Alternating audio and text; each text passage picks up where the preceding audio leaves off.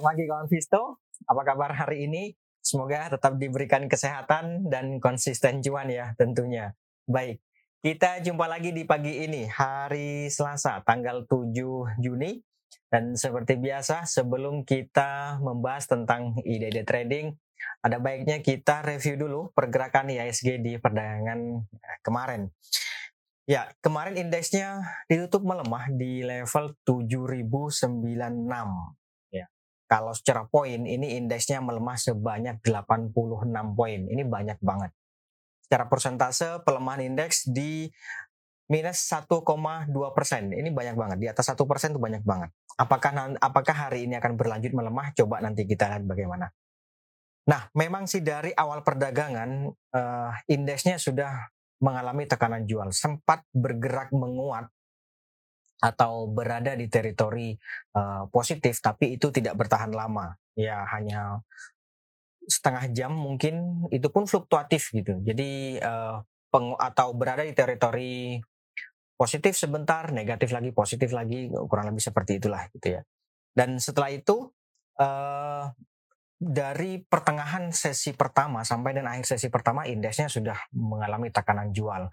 Kemudian di sesi kedua pun demikian halnya tapi sesi kedua lebih uh, lebih soft atau ya konsolidasi lah lebih tepatnya ya. Meskipun belum mampu untuk uh, membawa indeks menguat tetapi di akhir-akhir sesi perdagangan uh, di akhir-akhir sesi perdagangan sesi kedua ini ada muncul dorongan beli yang akhirnya membawa indeks uh, cukup ditutup di 1,2 persen. Tetapi ini sudah banyak banget gitu ya jadi secara keseluruhan indeksnya di perdagangan kemarin berada pada kecenderungan melemah. Nah, dari pelemahan indeks itu saham-saham apa saja sih yang membawa indeks melemah itu di perdagangan kemarin itu? Yang pertama ada Goto, ini yang membawa indeks uh, melemah tertinggi gitu ya. Tertinggi nomor satu ada Goto, kemudian disusul oleh Bank BRI. Kemudian ada BCA, Arto, dan Astra. Ini dia uh, big capnya semua mengalami pelemahan, makanya indeksnya ditutup uh, melemah cukup tajam. Itu dia lima besar saham yang membawa indeks melemah. Kemudian lima besar saham yang mencoba untuk menghambat laju pelemahan indeks. Yang pertama ada Telkom, kemudian ada MDKA, lalu ada Indofood, dan ada Mika. Terakhir ada uh, Pharma atau KLBF. Itu dia lima besar saham yang mencoba untuk menghambat laju pelemahan indeks. Bagaimana dengan transaksi asing? Di perdagangan kemarin asingnya mencatatkan net buy sebanyak 396 bio cukuplah lumayan lah gitu ya itu di semua pasar atau di uh, all market. Kemudian kalau kita rinci di perdagangan reguler sendiri asingnya mencatatkan net buy sebanyak 220 bio, lumayan cukup lah.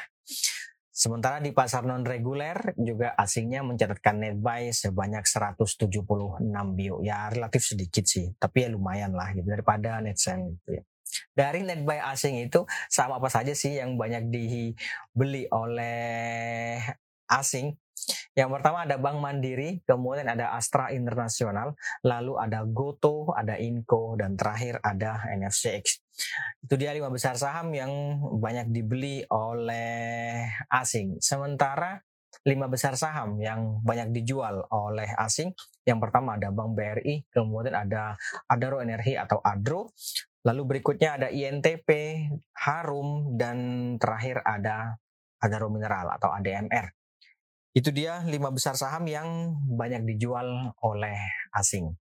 Nah, bagaimana outlook hari ini? Ya, kalau kita lihat di sini ya, tampaknya uh, indeks ini kenaikan indeks selama beberapa hari seminggu sebelumnya lah gitu ya. Nih yang di sini nih, ini hanya apa mengisi gap down yang pernah terjadi ya di sini nih. Setelah ini selesai, misi sudah selesai gitu ya, dia kembali mengalami pelemahan. Nah, kalau melihat ini, artinya kegagalan indeks untuk bergerak lebih jauh di atas 7.200 atau di atas 7 uh, 210 gitu ya. Ini saya pikir masih ada potensi untuk mengalami uh, koreksi jangka pendek atau setidaknya konsolidasi cenderung melemah lah gitu ya. Terlebih lagi nih bearish crossover juga terjadi di uh, stokastik dan saya pikir ini akan berpotensi untuk membawa indeks kembali bergerak melemah. satu-satunya yang men, yang dapat menghambat laju pelemahan indeks adalah MACD-nya yang masih cenderung uh, menguat. Oleh karena itu hari ini saya pikir diperkirakan akan indeks uh, diperkirakan indeks akan bergerak kembali fluktuatif, kecenderungannya masih melemah terbatas. Bisa saja sih di awal dia dibuka melemah, eh sorry, bisa saja di awal dia dibuka menguat, Kemudian seiring dengan berjalannya waktu penguatannya semakin menipis, meskipun masih berada di teritori positif gitu ya. Uh, jadi hari ini diperkirakan indeks akan kembali bergerak fluktuatif, fluktuatif kecenderungannya melemah terbatas. Sekali lagi bisa saja di awal dibuka uh, menguat gitu ya. Kemudian seiring dengan berjalannya waktu pelemahannya uh, penguatannya semakin menipis meskipun masih berada di teritori uh, positif gitu ya. Ring pergerakan diperkirakan antara 7055 sampai dengan 7150. Itu untuk ISG-nya. Kemudian sekarang kita ke ide trading. Ide trading, bentar saya lihat dulu. Yang pertama ada sebentar. BTN. Nah, ini dia BTN. Ya, di perdana kemarin BTN mampu ditutup menguat dan tampaknya harga juga sempat menguji MA 200 hanya saja belum mampu melewatinya dan saya pikir ada peluang untuk uh, bergerak menguat atau melanjutkan penguatannya. Cuman ini uh, apa namanya stokastik kan cenderung melemah nih. Kalau di sini nih MACD-nya golden cross nih. Coba kita lihat tuh, golden cross ya. Nah, jadi saya pikir ini idealnya adalah buy on weakness. Boleh dipertimbangkan untuk buy on weakness di 1660 itu boleh sih. 1660 sampai 1675 saya pikir uh, di level-level itu. Nih di MA 200 ini berapa? 1655. Ya, 1655 sampai 1670 saya pikir bolehlah di level-level itu. Ya, kalau dapat harga di katakanlah 1660 misalnya atau 1670 misalnya. Saya pikir take profit bisa dipertimbangkan di 1725. Harusnya sih uh, sudah untung gitu ya. 1725 di atasnya ada 1745 uh, nanti stop lossnya kalau harga ternyata melemah sampai di bawah 1640 nih. Kalau misalnya dapat harga di 1670 ya di bawah 1640 uh, bisa dipertimbangkan untuk stop loss. Oke itu untuk BTN kemudian selanjutnya kita lihat ada sebentar. BBHI. Oke, BBHI ya. BBHI. Nah ini dia, BBHI kemarin ditutup melemah dan tampaknya harga uh, sedang mencoba untuk bergerak melewati MA 200.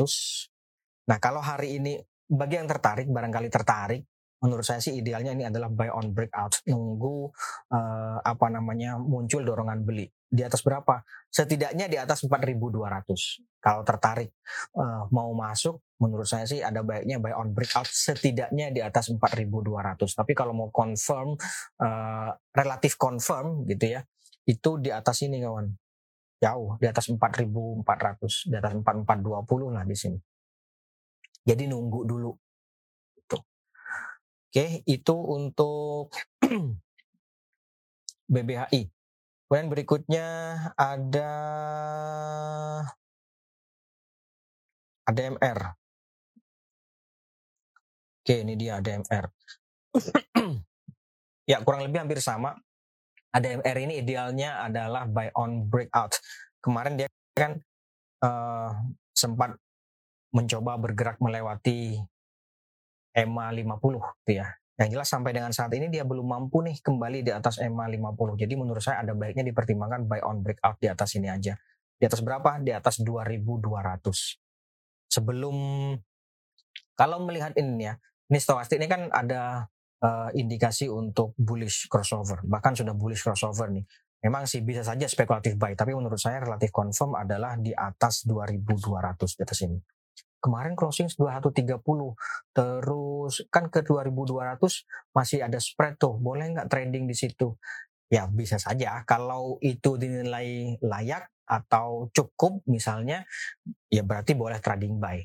Gitu ya. 2130 nanti ya pasangnya di uh, eh, 2200 gitu. Tapi kalau mau relatif confirm ya tentu di atas 2200 oke itu untuk ADMR yang jelas sampai dengan saat ini dia masih mengalami trennya, trennya itu masih melemah. Nih, lower low masih terus. Itu ya. Oke, itu untuk ADMR. Kita lanjut. Ada tag. ya, ini dia tag. Masih mengalami konsolidasi dan tampaknya mencoba untuk bertahan di atas uh, eh, 5000 ya idealnya sih memang belinya di 5000 nanti target take profitnya di sini kawan. 5400 kemudian 5650 ya di level-level itu. Apakah uh, boleh untuk trading buy? Saya pikir memang sih uh, trading buy bisa saja. Tapi ini relatif uh, apa ya lebih berisiko sih. Mending buy on breakout di atas 5225. 5225 nah, cukup lah boleh lah uh, buy on breakout setidaknya di atas 5225 gitu ya. Misalnya dapat harga di 5250, 5300 misalnya gitu ya. Uh, ya target take profitnya di itu. Di saya pikir kalau dapat harga di 5300 bahkan 5500 cukup sih. Nggak harus nunggu di 56 uh, 56 50 5675 gitu nggak harus bahwa idealnya untuk take profit ya betul di 5650 sampai 5775 bahkan atau ya 5800-an lah di level itu. Itu ideal untuk uh, take profit gitu ya. Oke, itu untuk take. Kemudian kita lanjut ada lagi BBYB. Nah, ini dia BBYB. Ya cukup menarik sih karena kemarin meskipun pelemahan sudah uh, selama tiga hari berturut-turut, tapi kan kemarin dia mencoba untuk bertahan nih di atas 12.45 gitu ya. Kalau idealnya tentu ini adalah buy on weakness di sini nih 11.80 sampai 1200-an gitu ya. Tapi kemarin kan cukup menarik karena dia bertahan atau mencoba untuk bertahan di atas 12.45 hari ini kalau dia mampu bertahan di atas itu lagi, ya saya pikir ada peluang sih untuk uh, bergerak menguat menuju resistance level terdekat yaitu di 1330. 1330 kan lumayan ya, bisa untuk trading buy. Jadi uh, apakah boleh spekulatif buy? Bisa saja spekulatif buy, tapi kalau mau sedikit lebih confirm ya coba tunggu kalau misalnya hari ini dia bergerak menguat di atas 1285 bisa sih uh, trading buy. Nanti targetnya itu tadi 1330 ya 45 poin. 40 sorry 45 uh, rupiah. 45 rupiah uh, cukup nggak sih? Coba kita lihat ya. Tiga setengah persen berarti uh, bersihnya tiga persenan lah gitu ya cukup sih harusnya Oke, itu untuk BBYB. Kemudian berikutnya kita lanjut. Ada Waskita. Oke, ini dia Waskita. Ya, Waskita ini uh, sebenarnya sudah mulai take profit sih. Kalau melihat ini ya bearish crossover di stokastik ini, maka ini idealnya adalah uh, sudah bisa dipertimbangkan untuk take profit. Tetapi ini kan kok kayaknya ada coba kita lihat bagaimana bagaimana uh, apa namanya short to medium atau weekly-nya. Nah ini dia weekly-nya masih baru saja mau naik, nah, gitu kan? Jadi menurut saya ini adalah bagi yang tertarik bisa saja buy on breakout di atas ini nih, di atas uh, eh, 575 gitu ya. Terlebih lagi kalau kita lihat di sini, mudah-mudahan kelihatan ya. Ini kan tampaknya mengalami divergence. Jadi uh, dia membentuk lower low sementara MACD-nya membentuk lower high. Makanya ini buy on breakout bisa saja sih. Gitu. Tapi untuk mengamankan keuntungan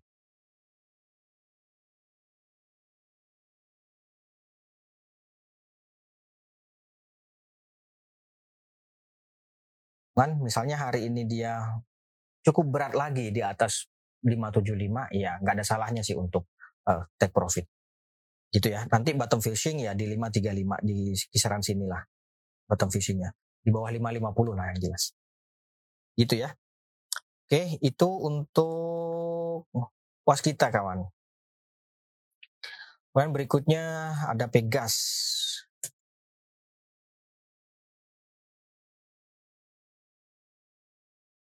Oke, ini dia Pegas. Ya, kurang lebih sama dengan apa yang saya sampaikan sebelum-sebelumnya. Dia tampaknya masih belum mampu untuk uh, apa namanya bergerak di atas ini. Jadi idealnya take profit. Ya. Coba kalau sekali lagi kalau view-nya adalah long term atau medium to long ini masih boleh itu. Oke, berikutnya ada lagi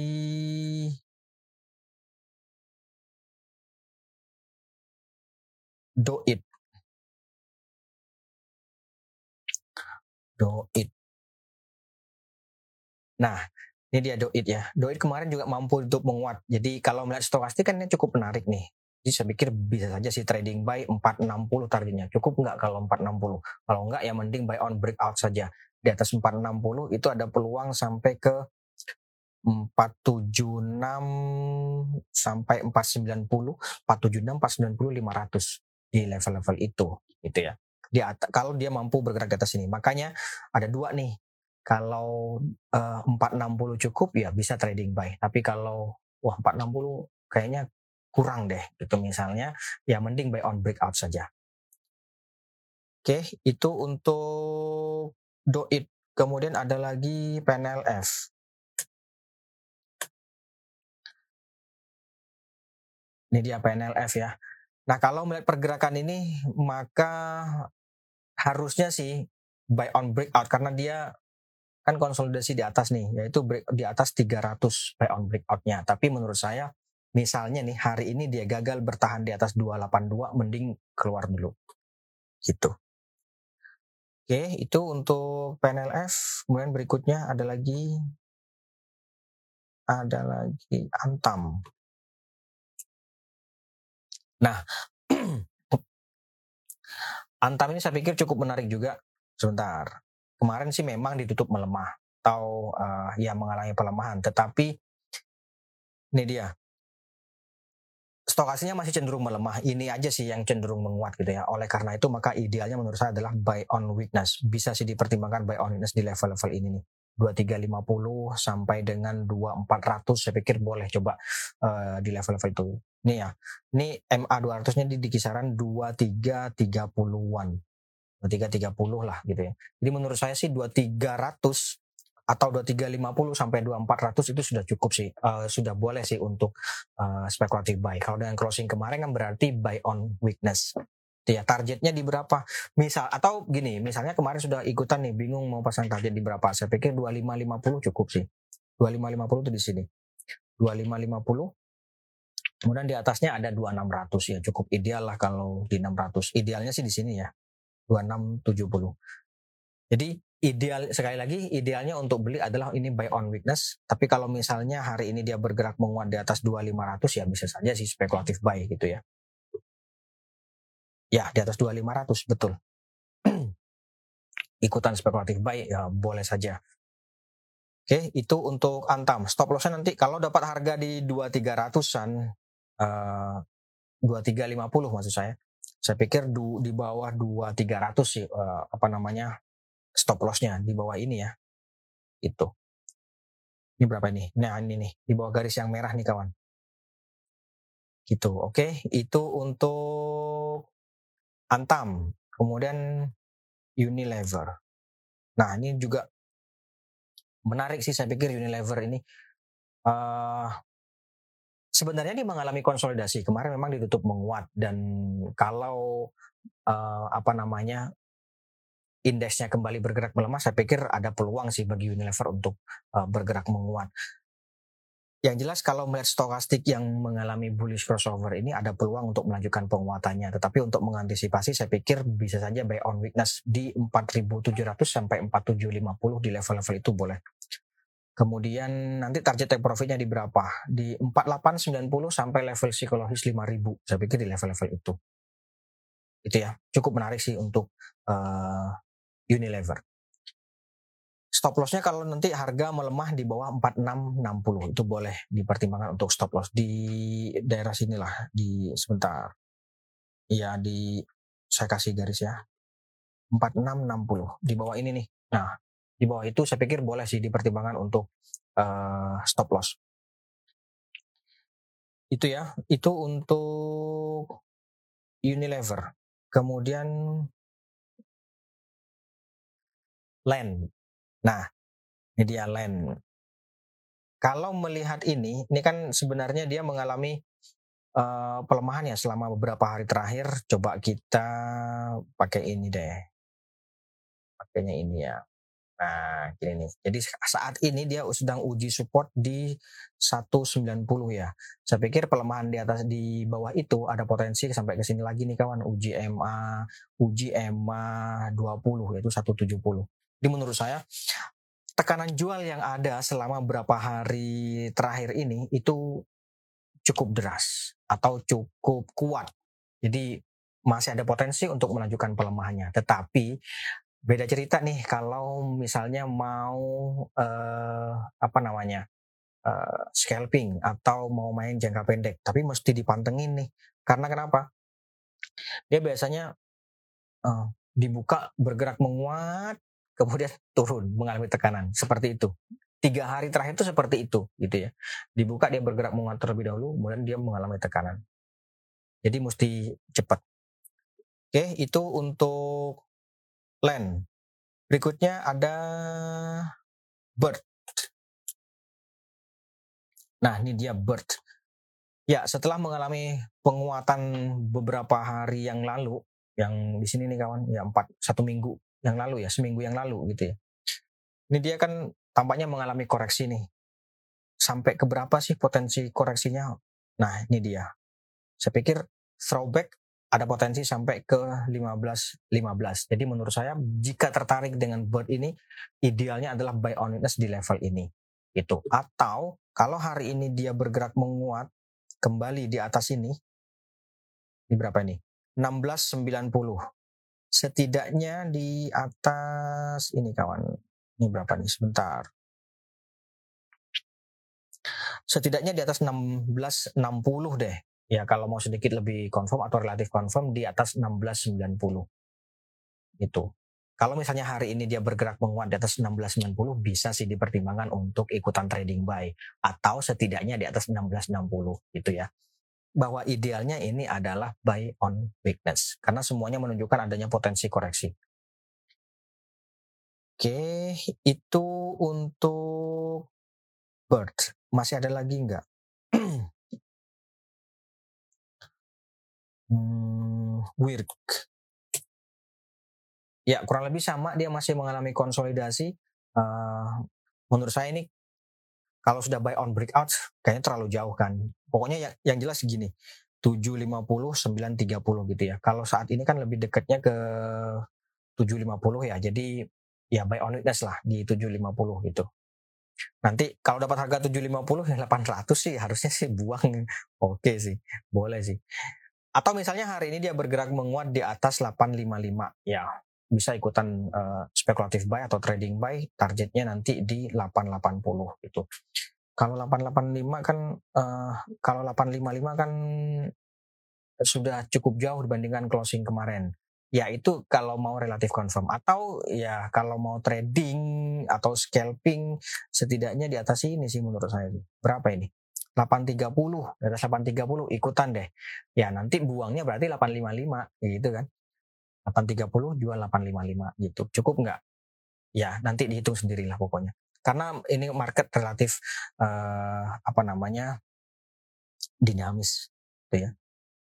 Oke, itu untuk work. Kemudian berikutnya Saratoga. Nah, ini dia SRTG.